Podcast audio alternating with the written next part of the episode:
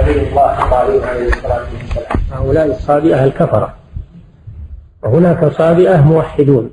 إن الذين آمنوا والذين هادوا والنصارى والصابئين المراد بهم أهل الدين وأهل الإيمان. نعم. إخوان إبليس اللعين وجنده لا مرحبا بعساكر الشيطان. هؤلاء الصابئة والمجوس والقرامطة والباطنية على اختلاف طوائفهم لا مرحبا بهم لأنهم أعداء الملل وأعداء الدين في كل زمان ومكان. نعم. و والجهمية منحدرون من هذه المذاهب. الجهمية منحدرون من هذه المذاهب لأنه معروف أن الجعد بن درهم أخذ مقالة التعطيل عن يهودي عن أبان بن سمعان اليهودي. وهي منحدرة من مقالات اليهود. هذه الجهمية. نعم. أفمن حوالته على التنزيل والوحي المبين ومحكم القرآن كمحير أضحت حوالته على أمثاله أم كيف يستويان؟ هل يستوي من؟ عمدته الوحي المنزل من الله عز وجل وهم أهل السنة والجماعة. ومن عمدته على عقول البشر وأفكار البشر وضلالات البشر لا يستويان أبدا. لا يستويان عند الله سبحانه وتعالى. الذي عمدته الوحي هذا على هدى على حق. وأما الذي عمدته أقوال البشر وأفكار البشر فهذا على ضلال. وهذا هو مذهب هؤلاء يعتمدون على عقول البشر وأقوال البشر. وأما الوحي فإنهم إما أن يؤولوه وإما أن يحرفوه. نعم. أم كيف يشعر سائر بمصابه والقلب قد جعلت له قفلان؟ قفل من الجهل المركب فوقه. قفل التعصب كيف ينفتحان؟ نعم. من ابتلي بالضلال فإنه لا رجاء في رجوعه. إذا فسد القلب فإنه لا رجاء في صاحبه. ما دام القلب فيه حياة ولو قليلة فهو فيه رجاء. فيه رجاء أنه يقبل الحق ويرجع. لكن إذا القلب انطمس ولم يبقى فيه حياة ولا قبول للحق فإنه لا فائدة فيه. وهذه قلوب أهل الضلال والعياذ بالله. قال تعالى إن الذين كفروا سواء عليهم أنذرتهم أم لم تنذرهم لا يؤمنون. ختم الله على قلوبهم وعلى سمعهم وعلى أبصارهم غشاوة ولهم عذاب عظيم. هؤلاء لا مطمع في هدايتهم لأنهم ليس لهم قلوب. قلوبهم مغلفة. مطبوع عليها. لا رجاء فيها ولا تقبل الحق. فهذا مثل هؤلاء المعطلة. هم من الذين طبع الله على قلوبهم. وختم الله على قلوبهم بسبب أنهم رفضوا الوحي. وإذا أعرض الإنسان عن الوحي ابتلي بفساد القلب. فلما زاغوا أزاغ الله قلوبهم. والله لا يهدي القوم الفاسقين. نعم. وهذا يكون على قلبه قفلا. قفل من الجهل المركب. الجهل المركب هو الذي صاحبه لا يدري ولا يدري أنه لا يدري. هذا الجهل المركب إذا كان الإنسان لا يدري ولا يدري أنه لا يدري. ويظن أنه عالم. هذا جهل مركب أما الجهل البسيط هذا أخف. يصير الإنسان لا يدري ولكن لا يدعي العلم. يقول أنا جاهل يعترف. لا يدعي هذا جهل بسيط. هذا يمكن علاجه. إذا كان يجهل الحق ويعترف بأنه جاهل فهذا قريب من الحق يقبل. أما إذا كان أنه جاهل ويدعي العلم فهذا جهل مركب لا حيلة فيه. هذا قفل. القفل الثاني التعصب. المصيبة التعصب للباطل. أن الإنسان يتعصب للباطل. يدري أنه ما هو بحق وأنه أنه لكن يتعصب له يتمسك به. ولا يتركه هذا التعصب. أما الإنسان الذي يريد الخير فهذا هدفه الحق. إذا تبين له ترك ما هو عليه وتقبل الحق. هذا ما هو متعصب. لكن البلية المتعصب الذي لا يريد أن يترك ما هو عليه أو عليه آباؤه وأجداده هذا هو التعصب المذموم. وهذا من ابتلي به والعياذ بالله فإنه يهلك. نعم. ومفاتح الأقفال في يد من له التصريف سبحان العظيم الشان. هذه الأقفال لا يقدر على فتحها إلا الله سبحانه وتعالى. الذي بيده القلوب يقلبها كيف كيف يشاء سبحانه وتعالى. ولكنه من حكمته ورحمته أن من أعرض عن الحق رغبة عنه وزهدا فيه أن الله يعاقبه. فلا يقبل الحق ولا يهديه الله للحق. نعم. عقوبة له. نعم. ومفاتح الأقسام في يد من له التصريف سبحان العظيم الشان. فاسأله فتح القطب مجتهدا على الأسنان إن الفتح بالأسنان. اسأل الله أن يفتح قلبك لقبول الحق وأكثر من الدعاء. وكان النبي صلى الله عليه وسلم يكثر أن يقول يا مقلب القلوب. ثبت قلبي على دينك. فتقول له عائشة في ذلك فيقول يا وما يؤمنني؟ والقلوب بين أصبعين من أصابع الرحمن. إذا أراد أن يقلب قلب عبد قلب. الإنسان يسأل الله أن يهدي قلبه إلى الحق. ولهذا كان صلى الله عليه وسلم يفتتح تهجده بالليل. فيقول في استفتاحه اهدني لما اختلف فيه من الحق. اللهم رب جبرائيل وميكائيل وإسرافيل فاطر السماوات والأرض عالم الغيب والشهادة أنت تحكم بين عبادك فيما كانوا فيه يختلفون. اهدني لما اختلف فيه من الحق بإذنك إنك تهدي من تشاء إلى صراط مستقيم. هذا دعاء الرسول صلى الله عليه وسلم في استفتاحه للتهجد. ودل على أن الإنسان بحاجة إلى الله سبحانه وتعالى أن يهديه للحق الذي اختلف الناس فيه. نعم. فصل. هذا وخاتم هذه العشرين وجها وهو أقربها إلى الأذهان. الدليل العشرون من أدلة العلو. نعم. صرف النصوص فإنها قد نوعت طرق الأدلة في أتم بيان والنظم يمنعني من استيفائها وسياقة الألفاظ بالميزان. العشرون من الأدلة أن يسوق النصوص الدالة على العلو في القرآن وفي السنة. قال وهي كثيرة لا يمكنني أن أحصرها في النظم لأن النظم ضيق وهم مثل النثر لكن يذكر ما تيسر منها. نعم. فأشير بعض إشارة لمواضع منها وأين البحر من خلجان. نعم. فاذكر نصوص الاستواء فإنها في سبع آيات من القرآن. نعم نصوص الاستواء استوى على العرش في سبعة مواضع من القرآن. في سورة الأعراف وفي سورة الرعد وفي سورة آه وفي سورة الرعد في سورة طه وفي سورة النمل آه في سورة السجدة ألف لام السجدة في سورة حاميم السجدة في سورة الحديد. نعم سبعة مواضع. في سورة الفرقان في سورة الفرقان. نعم. نصوص الفرق أيضا في ثلاث قد غدت معلومة التبيان. وهو القاهر فوق عباده.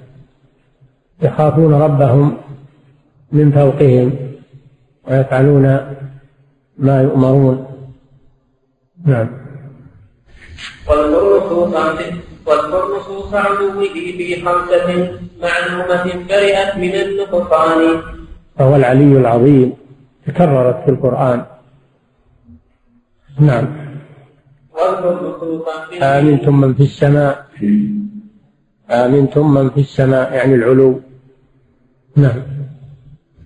واذكر نصوصا في الكتاب تضمنت تنزيله من ربنا الرحمن تنزيل القرآن والتنزيل والنزول إنما يكون من أعلى. إنما يكون من أعلى. نعم. فتضمنت أصلين قام عليهما. الإسلام والإيمان كالبنيان. كون الكتاب كلامه سبحانه وعلوه من فوق كل مكان. تنزيل القرآن تنزيل الكتاب. لا لا ريب فيه من رب العالمين. دل على مسألتين. المسألة الأولى علو الله. فإن التنزيل لا يكون إلا من العلو. المسألة الثانية أن القرآن كلام الله منزل غير مخلوق. نعم. كون الكتاب كلامه سبحانه وعلوه من فوق كل مكان وعدادها سبعون حين تعد أو زادت على السبعين بالحسبان. تنزيل. الآيات التي جاء فيها التنزيل والنزول تبلغ سبعين أو أكثر في القرآن. وهي تدل على هاتين المسألتين العظيمتين أن القرآن كلام الله منزل غير مخلوق وأن الله في العلو. نعم. واذكر نصوصا ضمنت رفعا ومعراجا وإصعادا إلى الديان. النصوص التي فيها العروج والعروج معناها الصعود. والصعود إليه يصعد الكلم الطيب. والأدلة التي فيها الرفع بل رفعه الله إليه يعني المسيح عليه الصلاة والسلام إليه يرفع عمل النهار قبل الليل. النصوص التي فيها إثبات الرفع إلى الله عز وجل والنصوص التي فيها إثبات الصعود إلى الله والنصوص التي فيها العروج تعرج الملائكة والروح يدبر الأمر من السماء إلى الأرض ثم يعرج إليه. من الله ذي المعارج تعرج الملائكة والروح إليه. عروج النبي صلى الله عليه وسلم إلى ربه في ليلة المعراج والعروج معناه الصعود. وكل هذه تدل على علو الله على خلقه. نعم. واذكر نصوصا ضمنت رفعا ومعراجا وإصعادا إلى الديان. هي خمسة معلومة بالعدل والحسنان فاطلبها من القرآن. نعم. ولقد أتى في سورة الملك التي تنجي لقارئها من النيران نصان أن الله فوق سمائه عند المحدث ما هما نصان وهما قول الله تعالى أأمنتم من في السماء? كررها مرتين. السماء معناها العلو. والذي في السماء هو الله جل وعلا. نعم. ولقد أتى التخصيص بالعلم الذي قلنا بسبع بل أتى بثمان منها طريق موضعان لسورة الأعراف ثم الأنبياء الثاني. نعم. فتذكر نعم. نعم. نعم. ولقد أتى التخصيص بالعلم الذي قلنا بسبع بل أتى بثمان. منها طريق الموضعان لسورة الأعراف ثم الأنبياء الثاني. نعم. في قوله سبحانه وتعالى قل إنما علمها عند ربي. يسألونك عن الساعة أيان مرساها قل إنما علمها عند الله. هذا موضع. الموضع الثاني قل إنما علمها عند ربي. في آخر السورة إن الذين عند ربك لا يستكبرون عن عبادته. في سورة الأنبياء ومن عنده لا يستكبرون عن عبادته. والعندية تقتضي العلو. لأنه لو لم يكن المراد به العلو لصار كل الخلق سواء. لو قال إن عنده يعني في ملكه كما يقوله المؤولة ما صار لهؤلاء ميزة. وكل الناس في ملكه سبحانه وتعالى. فالعندية تقتضي الخاصية لهذه الأشياء لأنها عنده. نعم. ولقد أتى التخصيص بالعند الذي قلنا بسبع بل أتى بثمان منها صريح موضعان بسورة الأعراف ثم الأنبياء الثاني. علم الساعة عنده ومن عنده لا يستكبرون هذا موضعان. وأما التفصيل ثلاثة مواضع. نعم. فتذكر النصين والضم الذي بسواه ليست تقتضي النصان؟ نعم. وبصورة التحريم أيضا ثالث باب الظهور لمن له أذنان قول امرأة فرعون رب ابن لي عندك عندك بيتا في الجنة. هذا يدل على علو الله سبحانه وتعالى. نعم. وبصورة التحريم أيضا ثالث باب الظهور لمن له أذنان ولديه في مزمل قد بينت نفس المراد وقيدت ببيان. نعم. لا تنقض الباقي ثمان معطل للراحة فيها المزمل المزمل ولديه في مزمل قد بين نفس المراد وقيدت ببيان. إن لدينا. لا إن لدينا. نعم. إن لدينا لا لا لدينا.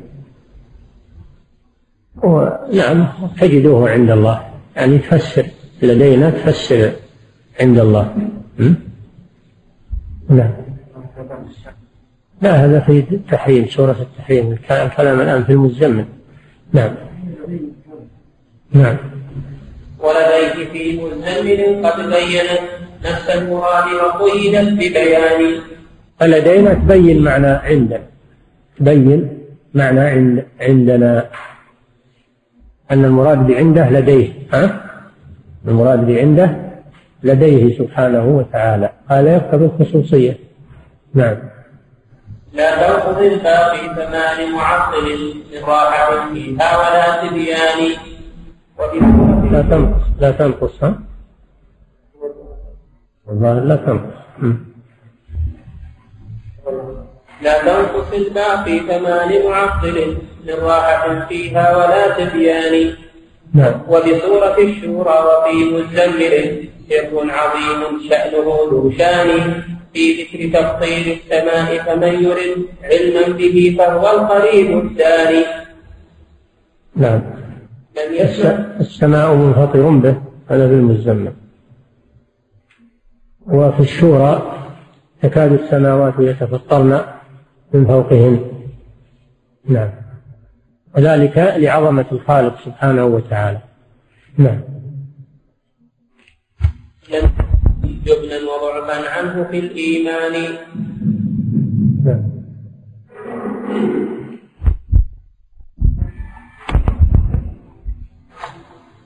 بسم الله الرحمن الرحيم.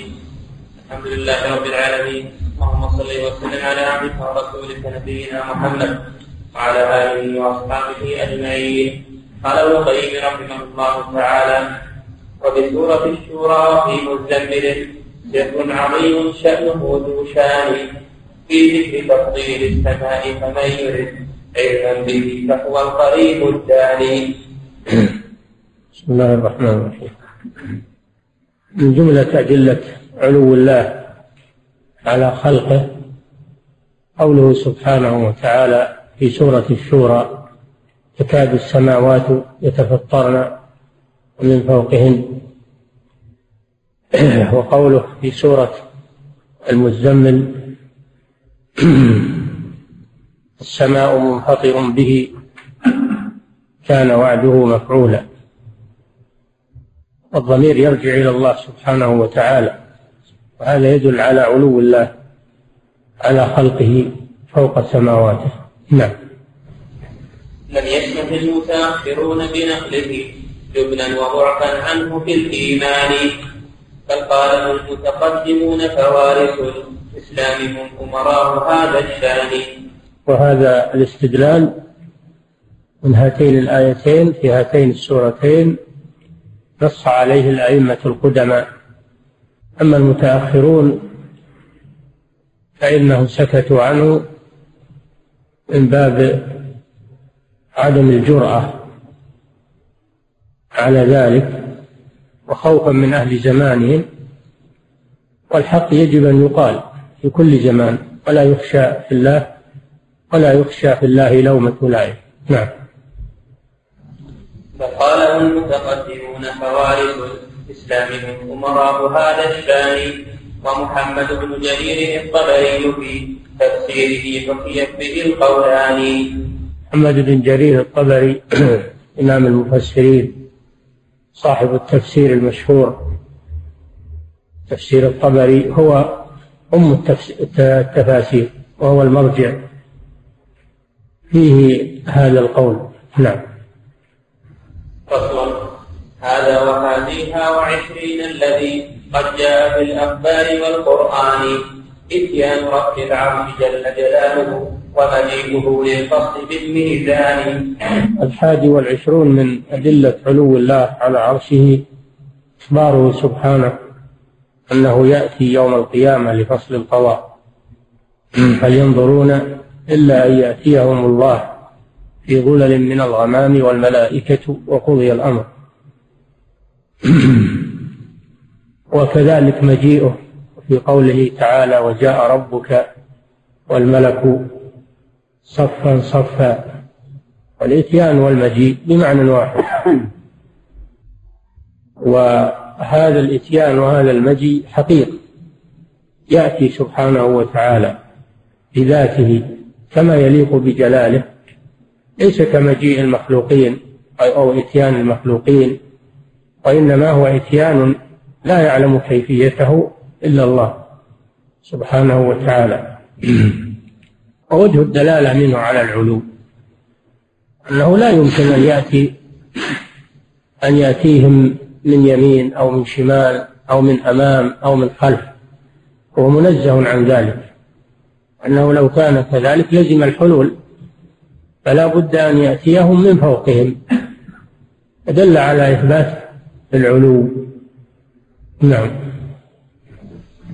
هذا وحاديها وعشرين الذي قد جاء في الأخبار والقرآن. إتيان رب العرش جل جلاله ومجيئه للفصل في الميزان. إتيانه ومجيئه في آيتين. سورة البقرة سورة الفجر وهما بمعنى واحد. وأما من يقول يأتي أمره فهذا خلاف الظاهر وهو تأويل باطل ويلزم عليه أن يقدر كلمة في القرآن يأتي أمره وأمره سبحانه وتعالى يأتي في كل وقت وينزل في كل وقت. لماذا يختص بيوم القيامة؟ نعم. فانظر إلى التقسيم والتنويع في القرآن فيه صريح بيان يعني مرة جاء لفظ إتيان ومرة جاء لفظ مجيء. التنوع هذا. هذا من باب التأكيد. نعم. إن المجيء لذاته لا أمره كلا ولا ملك عظيم الشان.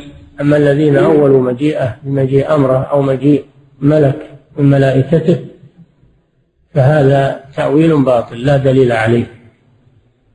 وهذا يلزم منه حمل القرآن على المجاز ونفي الحقيقة.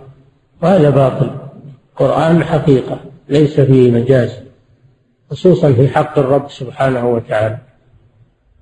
نعم. إن المجيء لذاته لا أمره إن المجيء لذاته لا أمره كلا ولا ملك عظيم الشان. هذا رد لقولهم يجيء أمره أو يأتي ملك. في الداعي لهذا. نعم. إذ ذلك الأمران قد ذكرا وبينهما مجيء الرب للغفران. ذكر مجيء الأمر وذكر مجيء الرب في قوله تعالى هل ينظرون إلا أن تأتيهم الملائكة أو يأتي ربك أو يأتي بعض آيات ربك. فذكر مجيء الملائكة وذكر مجيء الرب وذكر مجيء بعض الآيات وهو طلوع الشمس من مغربها في آخر الزمان. وعطف هذا على هذا فدل على المغايرة على أن مجيء أمره غير مجيء ذاته سبحانه وتعالى. نعم. والله ما احتمل المجيء سوى مجيء الذات بعد تبين البرهان. نعم. من أين يأتي يا أولي المعقول من أين يأتي؟ هذا وجه الاستدلال. هل تقولون يأتي من يمين أو من شمال أو من خلف أو من أمام؟ فيلزم الباطل والحلول. إذا لا بد أنه يأتي من أعلى. دل على علوه سبحانه وتعالى. نعم. من أين يأتي يا أولي المعقول إن كنتم ذوي عقل مع العرفان من فوقنا أو تحتنا وأمامنا أو عن شمائلنا وعن أيمان والله لا يأتيكم من تحتهم. أبدا تعالى الله بالسلطان. كلا ولا من خلفهم وأمامهم وعن الشمائل أو عن الأيمان. والله لا يأتيهم إلا من العلو الذي هو فوق كل مكان. نعم. فصل في الإشارة إلى ذلك من السنة لما فرغ من ذكر أمثلة من أدلة القرآن على علو الله على عرشه أراد أن يذكر أمثلة من السنة تدل على علو الله على عرشه لأن السنة وحي من الله سبحانه وتعالى. وهي في المرتبة الثانية بعد القرآن فيستدل بها كما يستدل بالقرآن لأن الكل من عند الله سبحانه وتعالى. نعم. واذكر حديثا في الصحيح تضمن كلماته تكذيبا للبهتان. لما قضى الله خليقة ربنا كتبت يداه كتاب الإحسان وكتابه هو عنده وضع على العرش المجيد الثابت الأركان. هذا الدليل الأول من السنة أن الله كتب كتابا عنده فوق عرشه أدل على علوه سبحانه وتعالى. لأن اختصاص هذا الكتاب لأنه عنده كاختصاص الملائكة بعض الملائكة كما سبق لأنهم عنده. إن الذين عند ربك لا يستكبرون عن عبادته. ولو كان المراد بالعندية هنا عندية الملك لم يكن للملائكة ولا لهذا الكتاب مزية إذ الجميع في ملك الله سبحانه وتعالى. وتخصيص هذا الكتاب بأنه عنده يدل على مباينته لخلقه سبحانه وتعالى. كذلك الإخبار عن بعض الملائكة بأنهم عنده أيضا يدل على مباينته لخلقه. نعم. وكتابه هو عنده وضع على العرش المجيد الثابت الأركان. إني أنا الرحمن تسبق رحمتي غضبي وذاك لرأفتي وحناني. هذا معنى الحديث. نظمه نظما. وإلا الحديث إن الله لما خلق فرغ من الخلق كتب كتابا فهو عنده فوق العرش. إن رحمتي سبقت غضبي. نعم. ولقد أشار نبينا في خطبة نحو السماء بإصبع وبنان هذا الدليل الثاني وهو أن النبي صلى الله عليه وسلم لما خطب المسلمين في عرفة يوم حجة الوداع قال هل بلغت؟ قالوا نشهد أنك نشهد أنك قد بلغت. ونصحت فرفع أصبعه إلى السماء وقال اللهم اشهد. فإشارته صلى الله عليه وسلم إلى السماء يشير إلى ربه سبحانه وتعالى ويستشهده. فهذا دليل على علو الله على عرشه. لم يشر إلى اليمين أو إلى الشمال أو إلى الخلف أو إلى الأمام بل أشار إلى العلو. هذا واضح. نعم. ولقد أشار نبينا في خطبة نحو السماء بإصبع وبنان مستشهدا رب السماوات العلى ليرى ويسمع قوله الثقلان. أتراه أمثال السماء مستشهدا أم للذي هو فوق الأكوان إشارته إلى السماء. هل يستشهد السماء المخلوقة أم يستشهد الذي خلق السماوات وهو الله سبحانه وتعالى؟ هذا هو الحق أنه يستشهد الله جل وعلا. دل على أن الله في العلو. نعم. ولقد أتى في رؤية المرضى عن الهادي المبين أتم ما في بيان نص بأن الله فوق سمائه فاسمعه إن سمحت لك الأذنان. النبي صلى الله عليه وسلم لما رقى المريض قال ربنا الله الذي في السماء تقدس اسمك. إلى آخر الحديث. وقوله ربنا الله الذي في السماء هذا إثبات للعلو. والسماء المراد بها العلو. فإن أريد السماء العلو ففي ظرفية يعني في العلو. وإن أريد السماء المبنية ففي بمعنى على. آمنتم من في السماء أي على السماء. كقوله تعالى فسيروا في الأرض يعني على الأرض. ولأصلبنكم في جذوع النخل في جذوع في يعني على على جذوع النخل. ففي تأتي بمعنى على. نعم. ولقد أتى خبر رواه عمه العباس سن أبيه ولقد أتى خبر رواه عمه العباس سن أبيه ذو الإحسان. هذا من الأدلة من السنة على علو الله على عرشه وهو حديث العباس بن عبد المطلب عم النبي صلى الله عليه وسلم. في حديث الأوعال المشهور حديث الأوعال المشهور الذي ذكر فيه النبي صلى الله عليه وسلم صفة السماوات وما بينها من المسافات وذكر العرش ثم ذكر البحر الذي فوق السماوات وذكر حملة العرش وذكر العرش وذكر أن الله فوق ذلك كله فوق العرش.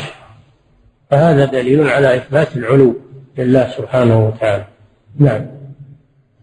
ولقد أتى خبر رواه عمه العباس سنو أبيه ذو الإحسان. السنو يعني القرين. السنو هو القرين. قال تعالى ونخل وزرع ونخيل صنوان وغير صنوان. الصنوان هو المقترن من النخل.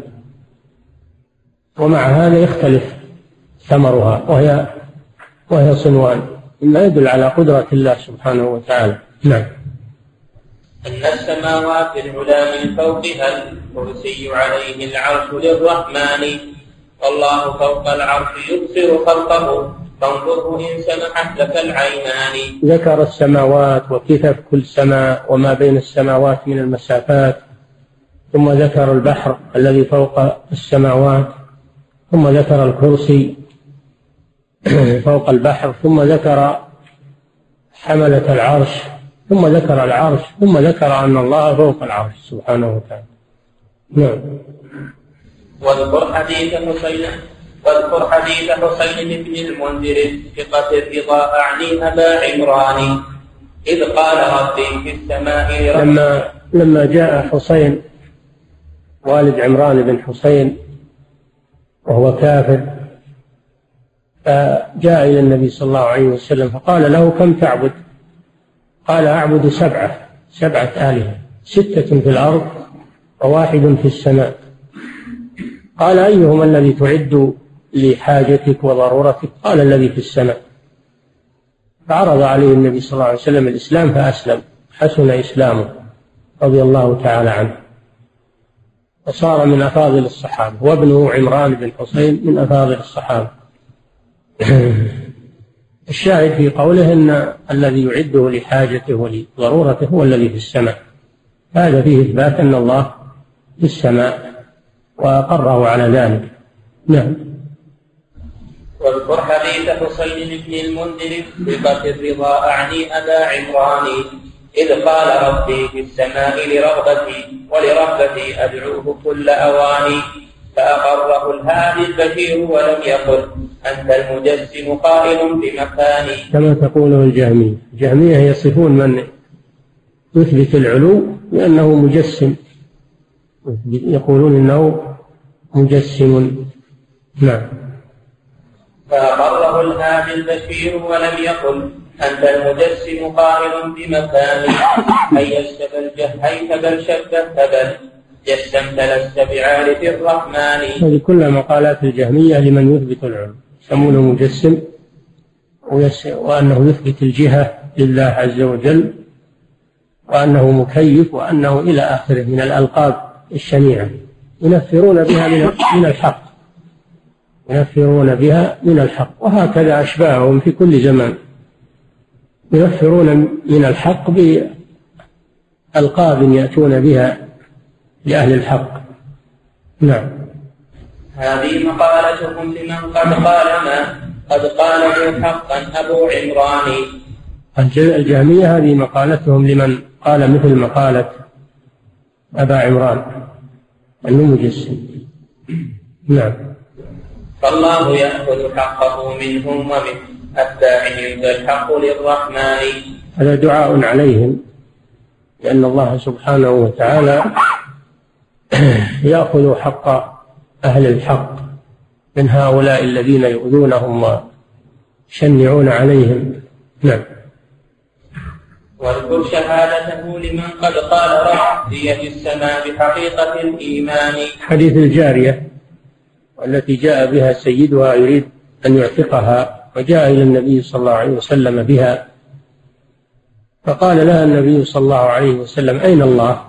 قالت في السماء.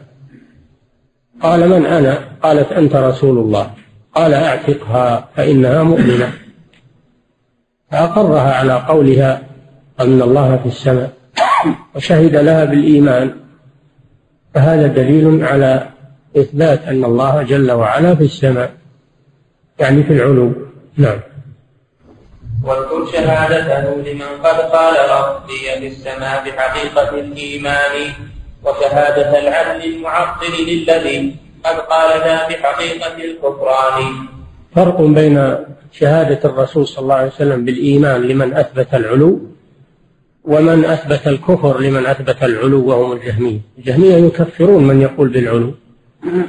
يكفرون من يثبت العلو فقولهم ضد قول الرسول صلى الله عليه وسلم. يعني فرق بين الإيمان والكفر. الرسول يشهد بالإيمان وهؤلاء يشهدون بالكفر. هذه مخالفة واضحة لقول الرسول صلى الله عليه وسلم. فهم أولى بالكفر. هم أولى بالكفر والعياذ بالله. لأنهم أنكروا ما أثبته الرسول صلى الله عليه وسلم. نعم. واحكم بأيهما تشاء وإنني لأراك تقبل شاهد البطلان. إن كنت من أتباع جهم صاحب التعطيل والبهتان والعدوان. فالآن أنت بالخيار إن شئت تتبع مقالة الرسول صلى الله عليه وسلم أو تتبع مقالة الجهم أيهما تتبع؟ فإن أثبتت العلو فأنت متبع للرسول صلى الله عليه وسلم. وإن نفيت العلو فأنت متبع لقول الجهم بن صفوان فيكون هو قدوتك. وإمامك. وبئس الإمام وبئس القدوة. نعم. واذكر حديثا لابن إسحاق الرضا ذاك الصدوق الحامل الرباني في قصة استسقائهم يستشفعون إلى الرسول بربه المنان.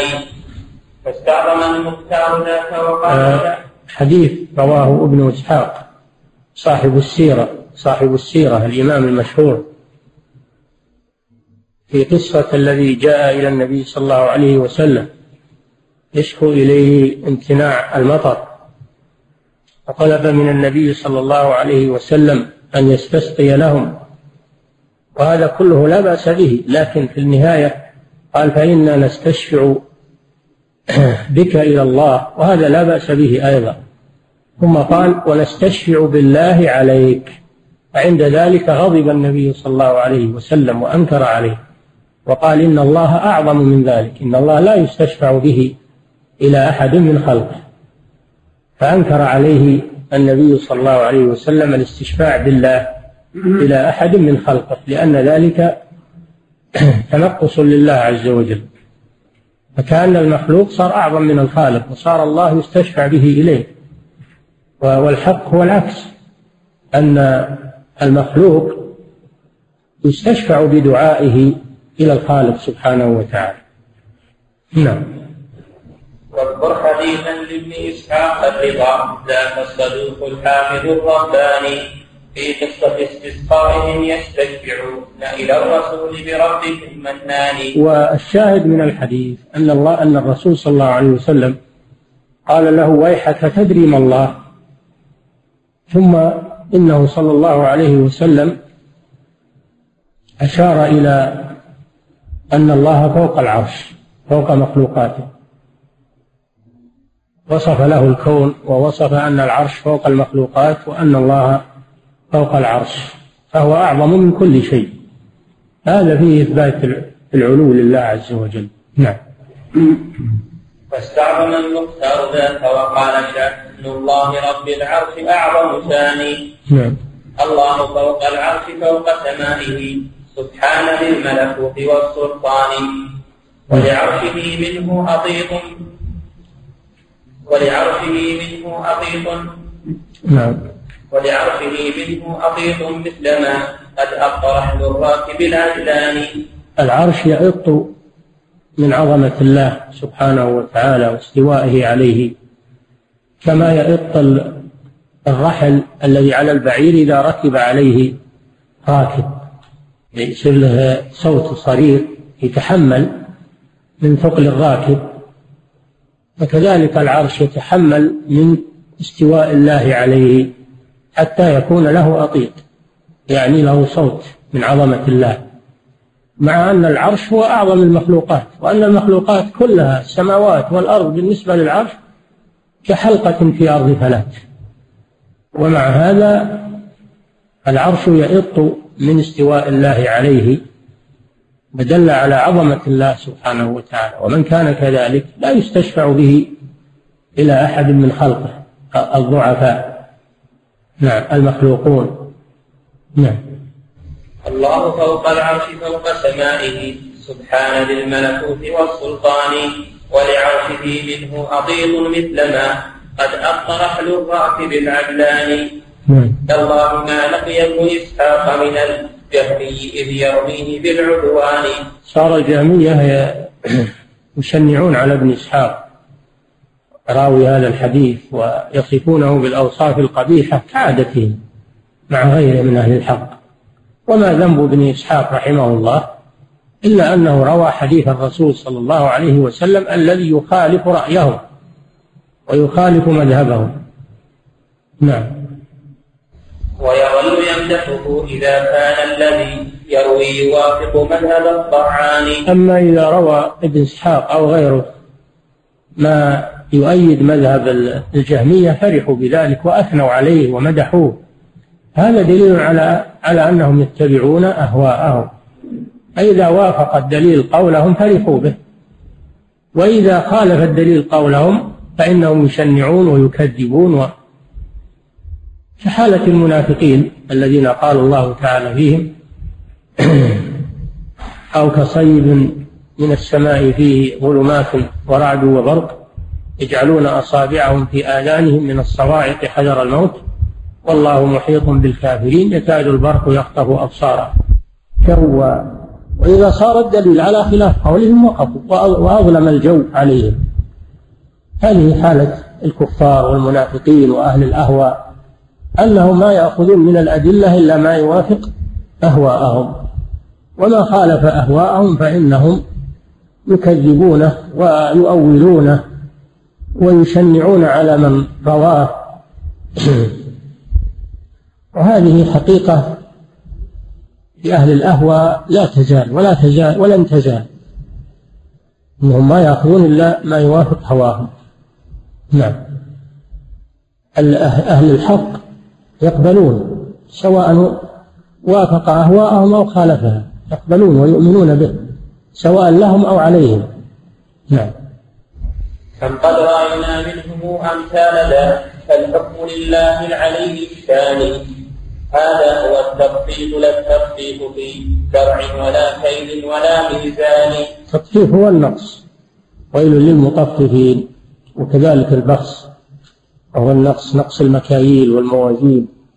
فالجهمية وأضرابهم من أعظم المطففين. الذين إذا اكتالوا على الناس يستوفون وإذا كالوهم أو وزنوهم يخسرون. فما وافق أهواءهم فرحوا به ومدحوه وما خالف أهواءهم كذبوه. فهذا هو التطفيف. إذا اكتالوا على الناس يستوفون. وإذا كالوهم أو وزنوهم يخسرون. هذا تطفيف معنوي.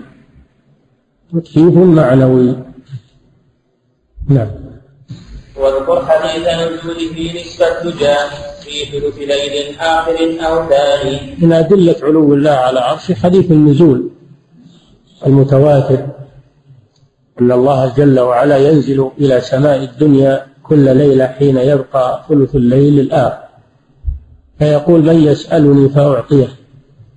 من يدعوني فأستجيب له. من يستغفرني فأغفر له. وذلك كل ليلة حتى يطلع الفجر. والنزول يلزم منه العلو لأن النزول لا يكون إلا من علو. ولكن هذا النزول ليس كنزول المخلوق إنما هو نزول الخالق جل وعلا يليق بجلاله وعظمته. لا نعلم كيفية لكن نثبته ونؤمن به. وهو يدل على العلو لأن النزول لا يكون إلا من علو. نعم. واذكر حديث نزوله الدجى في ثلث ليل آخر أو ثاني فنزول رب ليس فوق سمائه في العقل ممتنع وفي القرآن. نزول الله جل وعلا إلى سمائه الدنيا ليس ممتنعا عليه لأنه يفعل ما يشاء سبحانه وتعالى. وأما كيف ينزل فهذا لا نعلمه كيفية لا نعلمها. ينزل كما يشاء سبحانه وتعالى. لكن نزوله حق وثابت وهو يدل على العلو. نعم. والذين يقولون ينزل أمره أو ينزل ملك من الملائكة هذا يتنافى مع قوله من يسألني فأعطيه. هل الأمر يقول كذا؟ يقول من يسألني. هل الأمر يسأل؟ من يستغفرني؟ هل الملأ هل الأمر يستغفر؟ هذا الحديث يرد هذا التأويل ويبطله. فدل على أن النزول حقيقي وهو نزول الرب سبحانه وتعالى. هو الذي يغفر وهو الذي يعطي وهو الذي يجيب. نعم. واذكر حديث الصادق بن رواحة في شأن جارية لدى الغشيان واذكر حديث الصادق بن رواحة في شأن جارية لدى الغشيان عبد الله بن رواحة الأنصاري رضي الله عنه شاعر الرسول صلى الله عليه وسلم الصحابي الجليل الغيور على دين الله عز وجل المجاهد الذي استشهد يوم مؤتة رضي الله عنه. كانت له جارية وكان يأتيها يجامعها بملك اليمين. لأنه ملك يمين. فدخلت زوجته فرأته معها فغضبت. غضبت عليه لأن النساء عندهن غيرة على أزواجهن فغارت من فعله مع الجارية مع أنه أمر أباحه الله له. فغضبت عليه وكلمته فأنكر أنه أنه يأتي الجارية أنكر من أجل كذب للمصلحة. يجوز للزوج يكذب على زوجته لأجل العشرة وبقاء العشرة. هذا من الكذب الجائز. أنكر أنه فعل مع الجارية شيئا. فقالت له لا أصدقك حتى تقرأ القرآن لأن الجنوب لا لا يقرأ القرآن. فقال رضي الله عنه كان شاعرا. قال رضي الله عنه شهدت بأن وعد الله حق وأن النار مثوى الكافرين وأن العرش فوق الماء قاف وفوق العرش رب العالمين. فحسب ظنت أن هذا قرآن. فقالت آمنت بالله وكذبت بصري. فلما ذكر ذلك للنبي صلى الله عليه وسلم أقره على ذلك. أقره على ذلك. وفيه وأن الله وأن وفوق العرش رب العالمين. هذا الشاهد. وفوق العرش رب العالمين. أقره على ذلك. هذا دليل على علو الله على عرشه سبحانه وتعالى. نعم.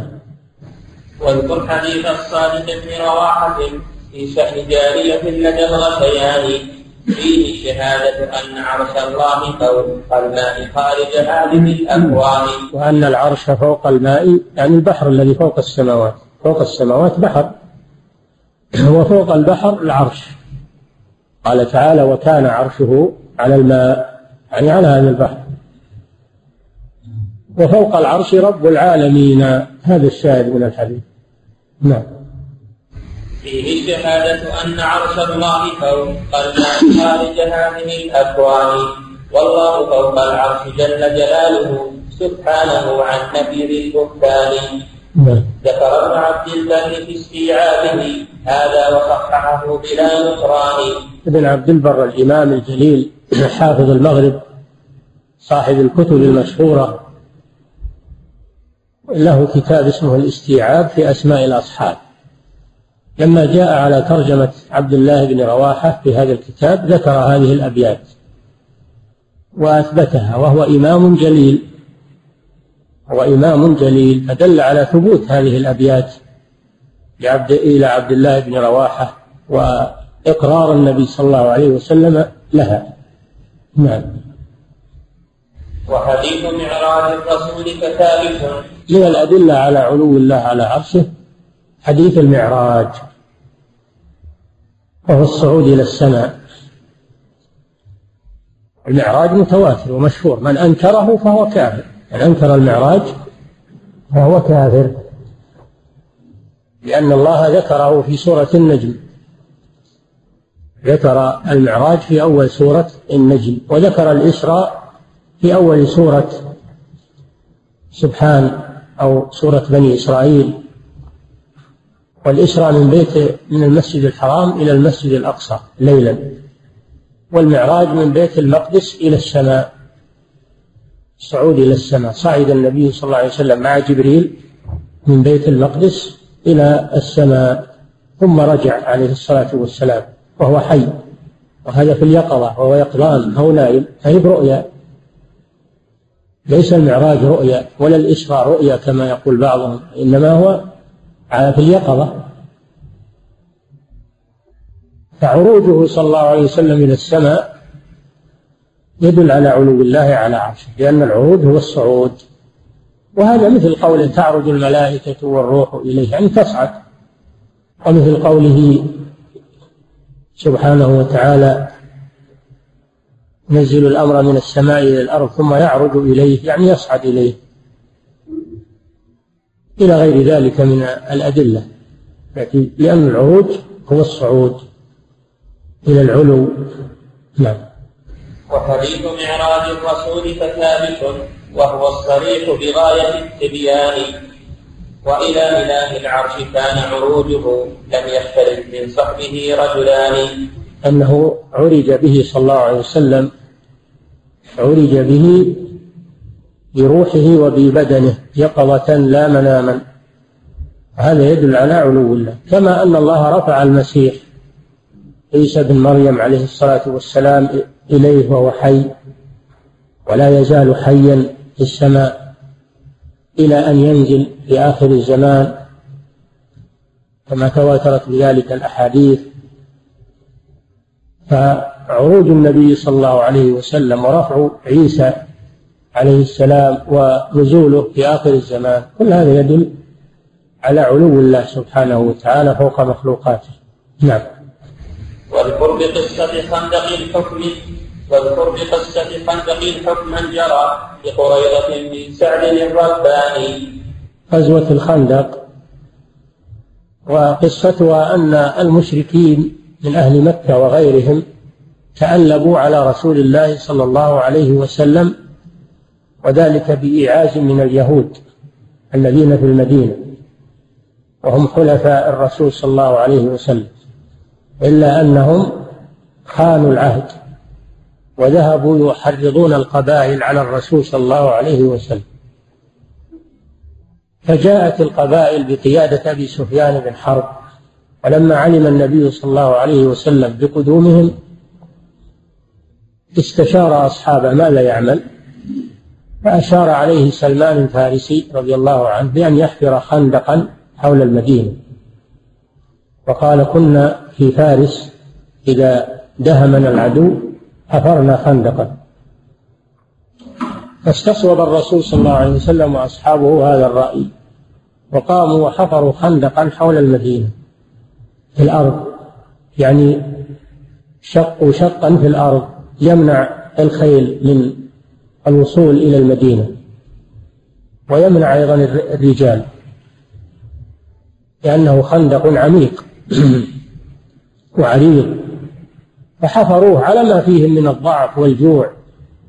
وشارك فيه النبي صلى الله عليه وسلم شارك في الحفر بنفسه عليه الصلاة والسلام حتى أتموا الخندق حول المدينة.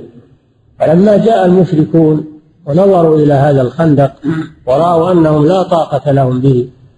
قالوا إن هذه لمكيدة ما كانت العرب تعرفها.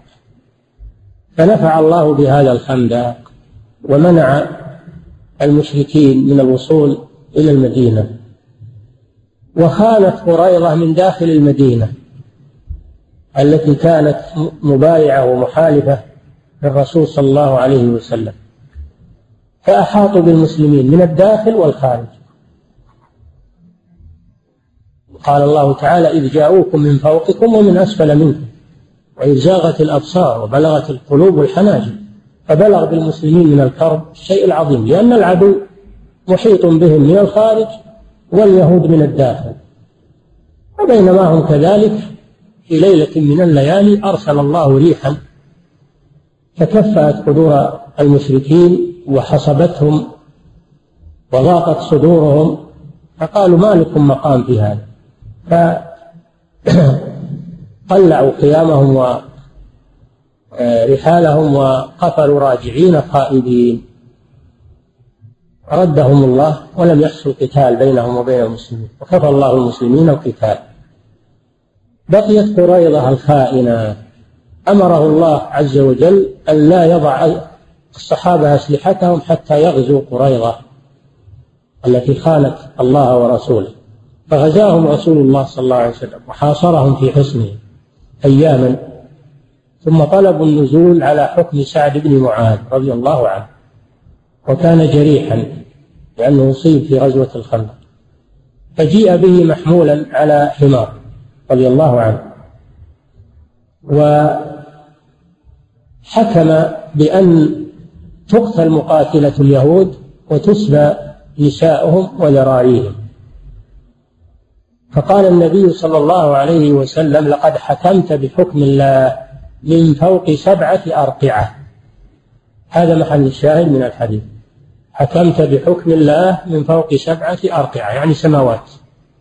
دل هذا على علو الله على عرشه وأن الله فوق السماوات وأن الله هو الذي حكم بهذا الحكم الذي وفق له سعد بن معاذ رضي الله عنه. نعم. واذكر بقصة خندق حكما جرى لقريضة من سعد الرباني سعد بن معاذ. نعم. شهد الرسول بأن حكم إلهنا. إله إلهنا. شهد الرسول بأن حكم إلهنا من فوق سبع وفي الحكم بميزان وفقه شهد الرسول بأن حكم بأن حكم إلهنا من فوق سبع وفقه بوزان أنه أن حكم سعد موافق لحكم الله من فوق سبع سماوات. هذا محل الشاهد من الحديث من فوق سبع سماوات. نعم. واذكر حديثا للبراء رواه أصحاب المسانح منهم الشيباني وأبو عوانة ثم حاكم الرضا وأبو نعيم حافظ الرباني. رواه أصحاب الكتب المعتمدة في الحديث ومنهم الإمام أحمد الشيباني والحاكم أبو عبد الله الحاكم المشهور كتابه بصحيح الحاكم أو مستدرك الحاكم. نعم. وأبو عوانة ثم حاكم الرضا وأبو نعيم حافظ الرباني قد صححوه قد صححوه وفيه نص ظاهر ما لم أولو العدوان. في شأن روح العبد عند ودائها وفراقها لمساكن الأبدان. أن أن الروح عندما تقبض عند وفاة الإنسان يصعد بها إلى السماء. تقبضها الملائكة من بدن الإنسان عند وفاته وتصعد بها إلى السماء. فإن كانت روح مؤمن فتحت لها أبواب السماء. وإن كانت روح كافر أغلقت دونها أبواب السماء. ثم طرحت إلى الأرض ثم إلى سجين. فهذا فيه دليل على علو الله على عرشه لأن الروح تصعد إليه سبحانه وتعالى. فروح المؤمن تفتح لها أبواب السماء وروح الكافر تغلق دونها أبواب السماء. وذلك في قوله تعالى إن الذين كفروا بآياتنا واستكبروا عنها لا تفتح لهم لا تفتح لهم أبواب السماء ولا يلجون الجنة حتى يلج الجمل في سم الخياط. ولا يدخلون الجنة حتى يلج الجمل في سم الخياط. الشاهد منه صعود الروح إلى الله جل وعلا. الصعود لا يكون إلا إلى أعلى نعم. في شأن روح العبد عند وداعها وفراقها لمساكن الأبدان. فتظل تصعد في سماء فوقها أخرى إلى خلاقها الرحمن. هذه روح المؤمن. تفتح لها أبواب السماء وتصعد من سماء إلى سماء إلى أن تنتهي إلى الرب سبحانه وتعالى. فيقول أعيدوه إلى إلى الأرض فإني منها خلقتهم وفيها أعيدهم ومنها أخرجهم تارة أخرى. فهي تصل إلى الله عز وجل. أما روح الكافر فإنها ترجع ولا تفتح لها أبواب السماء. لكن الشاهد من الصعود. نعم. وأن روح المؤمن تنتهي إلى الرب سبحانه وتعالى. فيقول اكتبوا كتاب عبدي في عليين وردوه إلى الأرض. فإني منها خلقتها خلقتهم وفيها أعيدهم ومنها أخرجهم تارة أخرى. نعم. فتظل تصعد في سماء فوقها أخرى إلى خلاقها الرحمن حتى تصير إلى سماء ربها فيها وهذا نصه بأمان. نعم. واذكر حديثا في الصحيح وفيه تأثير لذات الفعل من هجران الحديث الذي فيه الوعيد على المرأة التي تبيت وزوجها ساخط عليها وأن وأنها تبيت ومن في السماء غاضب عليها والمراد به الله سبحانه وتعالى. هذا فيه إثبات العلو. نعم. واذكر حديثا في الصحيح وفيه تحذير لذات البعد من هجران. نعم. من سخط رب في السماء على التي هجرت بلا ذنب ولا عدوان. إذا هجرت فراش زوجها ونشزت عليه بات من في السماء ساخطا عليها وهو الله سبحانه وتعالى. نعم. واذكر حديثا قد رواه جابر فيه الشفاء لطالب الإيمان في شأن أهل الجنة العليا وما يلقون من فضل ومن إحسان. من الأدلة على علو الله على عرشه أن أهل الجنة إذا دخلوا الجنة استقروا فيها في منازلهم. إذا بنور يسطع من فوقهم تمتلئ منه أركان الجنة فيرفعون رؤوسهم فإذا الرب جل جلاله قد أشرف عليهم فيسلم عليهم ويردون عليه السلام. فيقولون هل هل من هل من حاجة أو هل تسألون شيئا؟ فيقولون يا ربنا وما وما نسأل؟ قد أعطيتنا هذا العطاء. فالله جل وعلا يقول لكم زيادة على هذا. ثم يكشف الحجاب عن وجهه سبحانه وتعالى فيرونه معاينة. فيكون ما يلقون من النعيم برؤية الله ينسيهم نعيم الجنة. فهذا فيه إثبات العلو لله وأنه يشرف عليهم من فوقهم ويرونه كما يرون القمر. نعم ليلة البدر. نعم. واذكر حديثا قد رواه جابر. فيه الشفاء لطالب الإيمان في شأن أهل الجنة العليا وما يلقون من فضل ومن إحسان. بينهم في عشيهم ونعيمهم عيشهم بينما بينهم في عيشهم ونعيمهم وإذا بنور ساطع النسيان. وشيئا بينهم في عيشهم ونعيمهم وإذا بنور ساطع الغثيان لكنهم رفعوا إليه رؤوسهم فإذا هو الرحمن ذو الغفران. فيسلم الجبار جل جلاله حقا عليهم وهو ذو الإحسان. واذكر حديثا قد رواه الشافعي طريقه فيه أبو اليقظان. في فضل يوم الجمعة اليوم الذي بالفضل قد شهدت له النصان كذلك في يوم الجمعة أنه في الجنة في مثل يوم الجمعة يزورون الرب سبحانه وتعالى ويرونه عيانا. فيصيبهم من رؤيته من الكرامة ومن حسن المنظر يرجعون إلى أهلهم. وقد زاد حسنهم ونورهم لأنهم زاروا الجبار سبحانه وتعالى وتكرموا برؤيته وأنه كلمهم واحدا واحدا وخاطبهم واحدا واحدا وجلسوا على كراسي من نور. فهذا فيه إثبات علو الله على عرشه سبحانه وتعالى. نعم.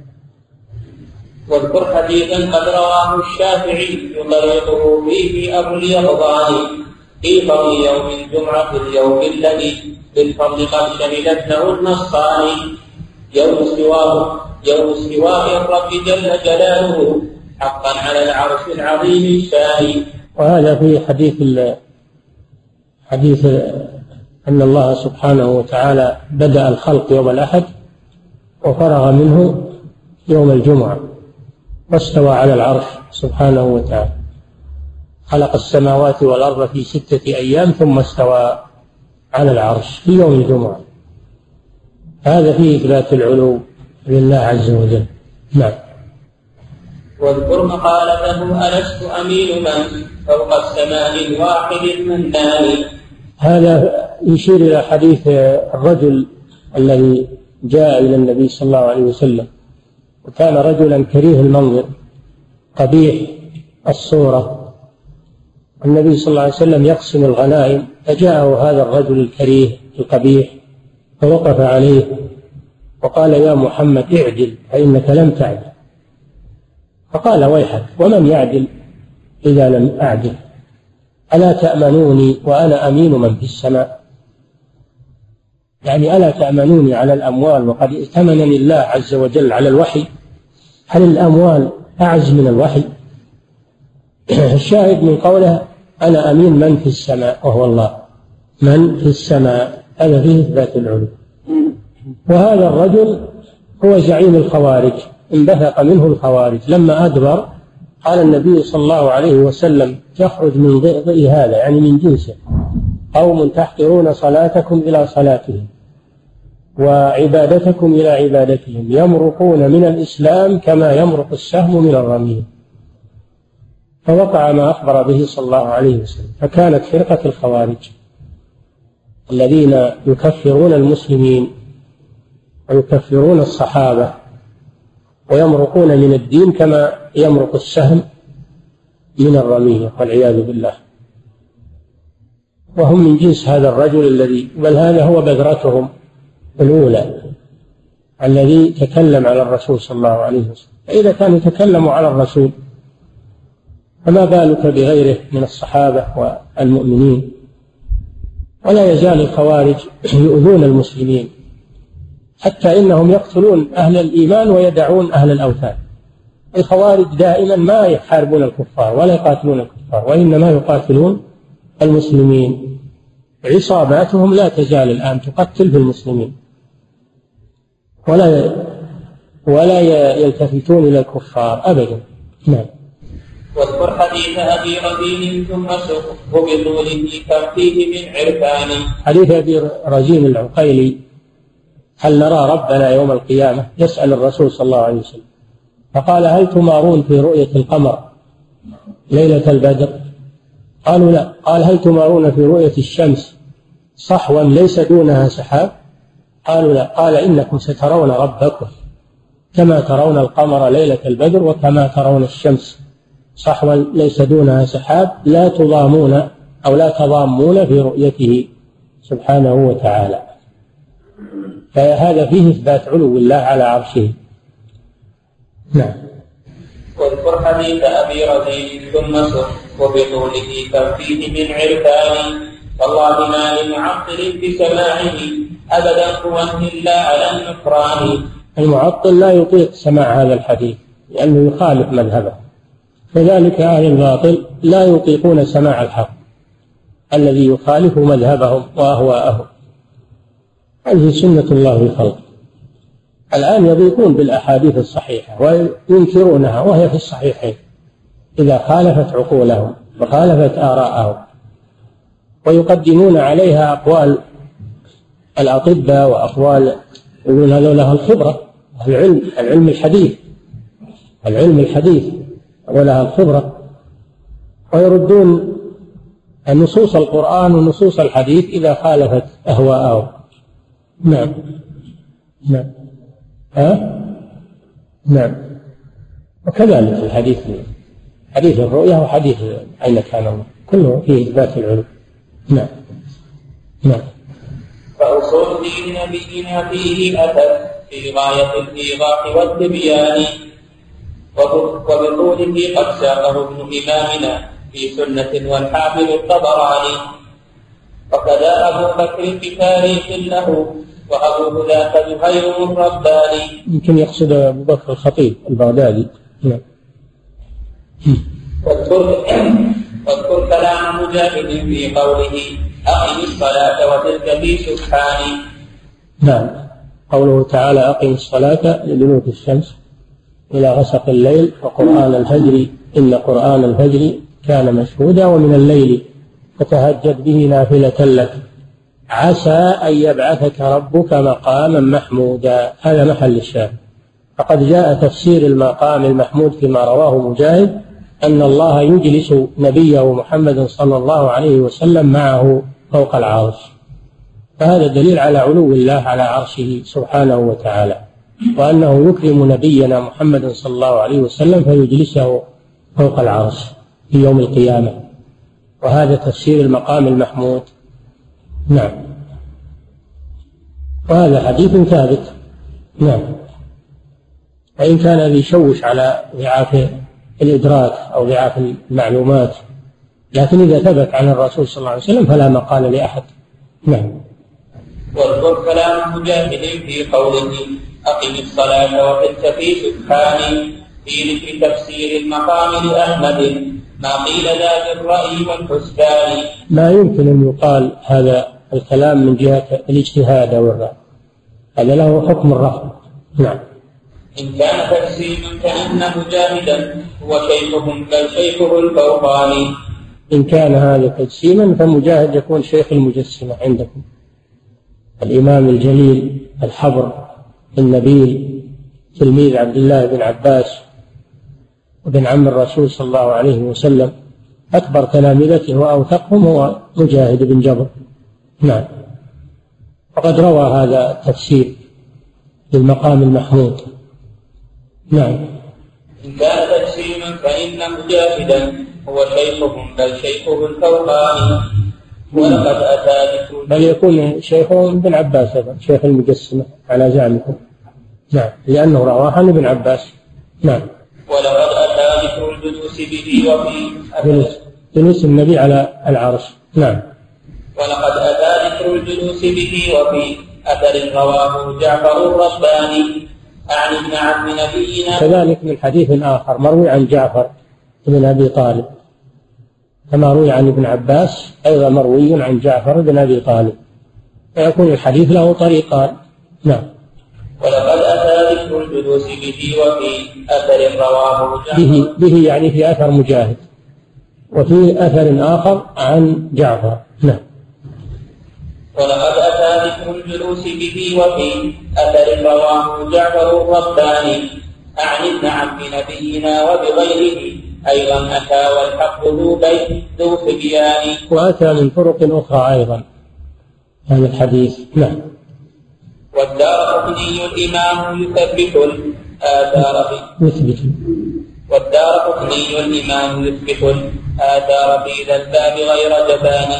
والإمام دار قطني الإمام الجليل يثبت هذه الآثار التي في الجلوس جلوس النبي صلى الله عليه وسلم على العرش. نعم. وله قصيد ضمنت هذا وفيها ليست ال... وله قصيد ضمنت هذا وفيها لست للمروي ذا نكران من دار قطني نظم معنى هذه الآثار في قصيدة موجودة في قصيدة موجودة نظمها وأقرها ولم ينكرها وهو الإمام الجليل الحافظ الثقة. نعم. وجرت لذلك فتنة في وقته من فرقة التعطيل والعدوان. يعني خصومه أنكروا عليه في وقته شنعوا عليه لكنه لم يبالي به. بل روى هذه الآثار ونظمها وأظهرها ونشرها ولم يبالي بخصومه. لأنه لا تأخذه في الله لومة لائم نعم. والله ناصر دينه وكتابه ورسوله في سائر الأزمان. لكن بمنحة حزبه من حربه. بمحنة. لكن بمحنة حزبه من حربه. لا حكمة مبتاة بأذانه وقد اقتصرت على يسير من كثير بائس للعدل والحسبان. ما كل هذا قابل التأويل بالتحريف فاستحيوا من الرحمن. نعم. يقول إني ما استقصيت كل الأدلة من الكتاب والسنة على العلو لكن أتيت ببعض. وقد ذكر العلماء أنها تبلغ ألفي ألفي دليل. نعم. العالمين اللهم صل وسلم على عبدك ورسولك نبينا محمد وعلى آله وأصحابه أجمعين. قال علامه ابن القيم رحمه الله تعالى فصل في جناية التأويل على ما جاء به الرسول والفرق بين المردود منه والمقبول. بسم الله الرحمن الرحيم. الحمد لله. الصلاة والسلام على رسول الله. بعد أن فرغ المؤلف رحمه الله الناظم من ذكر أدلة العلو وأطال في ذلك لأن مسألة العلو مسألة عظيمة. وإنكارها يقتضي يقتضي الكفر. إنكار العلو يقتضي الكفر. لأنه إما أن يقتضي الحلول وهذا كفر أو يقتضي نفي وجود الرب سبحانه وتعالى أنه لا داخل العالم ولا خارج العالم. فهذا تعطيل. تعطيل محض وهو كفر صريح. فإنكار العلو كفر يخرج من الملة لأنه إما أن يقتضي الحلول وإما أن يقتضي نفي وجود الرب سبحانه وتعالى. وإن كان نفاة العلو لا يريدون ذلك لكن هذا يلزم على قولهم هو مقتضى قولهم. إن كانوا قد تعمدوه فلا شك في كفرهم. وإن لم يتعمدوه فلا شك أن هذا كفر وقعوا فيه من حيث لا يشعرون. لما فرغ من ذلك ذكر سبب سبب القول بنفي العلو وهو التأويل الباطل وأن التأويل الباطل اتخذ مطية لكل ضلال فكل ملحد وكل ضال يستخدم التأويل مع النصوص التي تخالف مذهبه عندهم التأويل مركب للإلحاد. والتأويل المراد به تأويل على قسمين تأويل حق وهو التفسير وهذا هو الذي في عرف السلف الصالح رحمه الله فإن رحمهم الله فإنهم يريدون بالتأويل التفسير فقط. ولهذا تجدون ابن جرير الطبري في تفسيره يقول القول في تأويل قوله تعالى يعني في تفسير في تفسير. وهذا لا بأس به. تأويل بمعنى التفسير لا بأس به. النوع الثاني التأويل بمعنى صرف اللفظ عن ظاهره إلى معنى آخر غير مراد باللفظ. وهذا هو التأويل الباطل. تأويل الباطل. صرف النصوص عن مدلولها. وهذا هو الذي استخدمه أهل الضلال. إذا ورد دليل يخالف مذهبهم استخدموا فيه التأويل. قالوا هذا النص ليس على ظاهره. القسم الثالث التأويل بمعنى ما يؤول إليه الشيء في المستقبل. وهذا أيضا حق. هذا حق. وهو المراد بقوله تعالى وما يعلم تأويله إلا الله. أي ما يؤول إليه. الأمر من بعد. فمثلا النصوص التي جاءت في وصف المستقبل الذي لما يحصل بعد تأويلها وقوع ما أخبرت عنه. النصوص الآخرة التي جاءت في أمور الآخرة تأويلها لم يحصل. تأويلها إنما يحصل إذا وقعت في وقته لهذا يقول يوسف عليه الصلاة والسلام هذا تأويل رؤياي تأويل رؤياي من قبل. قد جعلها ربي حقا. فرؤيا يوسف رآها وهو صغير لكن لم يقع تأويلها إلا بعد مدة إني رأيت أحد عشر كوكبا الشمس والقمر رأيتهم لي ساجدين بعد مدة طويلة وبعد سنين وبعد أن جاء أهله إليه وهو ملك مصر ودخلوا عليه وخروا له سجدا. أبوه وأمه وإخوته الأحد عشر قال يا أبت هذا تأويل رؤياي من قبل. قد جعلها ربي حقا. كذلك ما يكون في الآخرة من نعيم الجنة وعذاب النار وأمور الآخرة. هذا هو تأويل ما أخبر الله به عن اليوم الآخر. ولهذا يقول جل وعلا هل ينظرون إلا تأويله. يوم يأتي تأويله يقول الذين نسوه من قبل قد جاءت رسل ربنا بالحق. يعني يوم يقع ما أخبر الله به وأخبرت به الرسل من أحوال يوم الآخرة يوم يعاينونه يعترفون أن هذا هو تأويل أي مآل ومنتهى ما أخبرت عنه الكتب السماوية والرسالات. فالتأويل إذا على ثلاثة أقسام قسمان حق وهما التفسير وما يؤول إليه الشيء وقسم باطل وهو صرف له عن ظاهره. الذي يستخدمه أهل الضلال.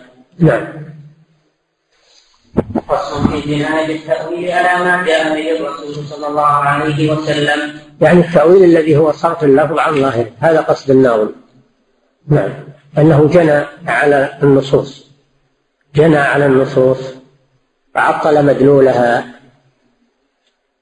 هذه هي الجناية. نعم. والفرق بين المردود منه والمقبول. عرفنا المردود وعرفنا المقبول. نعم. هذا وأصل بنية الإسلام من تأويل التحريف والبطلان نعم. أصل بلية الإسلام هو من هذا التأويل الفاسد الذي أولوا به النصوص عن ظاهرها وفسروها بتفسير باطل. ليس هو تفسيرها الحق. نعم. وهو الذي قد فرق السبعين بل زاد ثلاثا قول الكفر وهو الذي قد فرق السبعين بل زاد ثلاثا قول للقرآن. وهذا الذي فرق الأمة الإسلامية إلى ثلاث وسبعين فرقة كلها في النار إلا واحدة كما أخبر به الصادق المصدوق صلى الله عليه وسلم. وهذه الثلاث والسبعين هي أصول الفرق وإلا الفرق أكثر من ذلك بكثير. لكن ما زاد على الثلاث والسبعين فإنه متفرع عنها. نعم. وهو الذي قتل الخليفة جامعا القرآن إلى النورين والإحسان. التأويل هو الذي قتل الخليفة الثالث من الخلفاء الراشدين وهو عثمان بن عفان رضي الله عنه فإنما قتله من قتله بسبب التأويل الفاسد حتى ظنوا أنه يسوغ لهم قتله رضي الله عنه فقتلوه. فهذا أول جناية جناح التأويل على الإسلام وهو قتل الخليفة. وكل من جاء بعدهم من الخوارج والمعتزلة الذين يرون الخروج على ولاة أمور المسلمين بسبب أخطاء ارتكبوها لا تقتضي الخروج عليهم. قد نهى النبي صلى الله عليه وسلم عن الخروج على أئمة المسلمين والتزام الطاعة. إنما حصل للخوارج من الشطحات هو بسبب تأويلهم تفسيرهم للنصوص بغير مدلولها الصحيح. أخذوا طرفا من النصوص وتركوا طرفا على طريقة أهل الزيغ الذين يتبعون ما تشابه منه ابتغاء الفتنة وابتغاء تأويله هذه أول بلية حصلت في الإسلام وهي مقتل الخليفة الراشد رضي الله عنه. فإن قلت أليس قد قتل قبله عمر بن الخطاب رضي الله عنه؟ نقول هذا ليس بتأويل. قتل عمر ليس بتأويل إنما قتله مجوسي كافر. ولم يستدل على قتله بشيء وإنما هو عدوان عدوان محض أما عثمان رضي الله عنه فقتلوه بشبه رأوها دلائل وهي وهي باطلة. نعم. وهو الذي قتل الخليفة بعده أعني عليا قاتل الأقران. كذلك الجناية.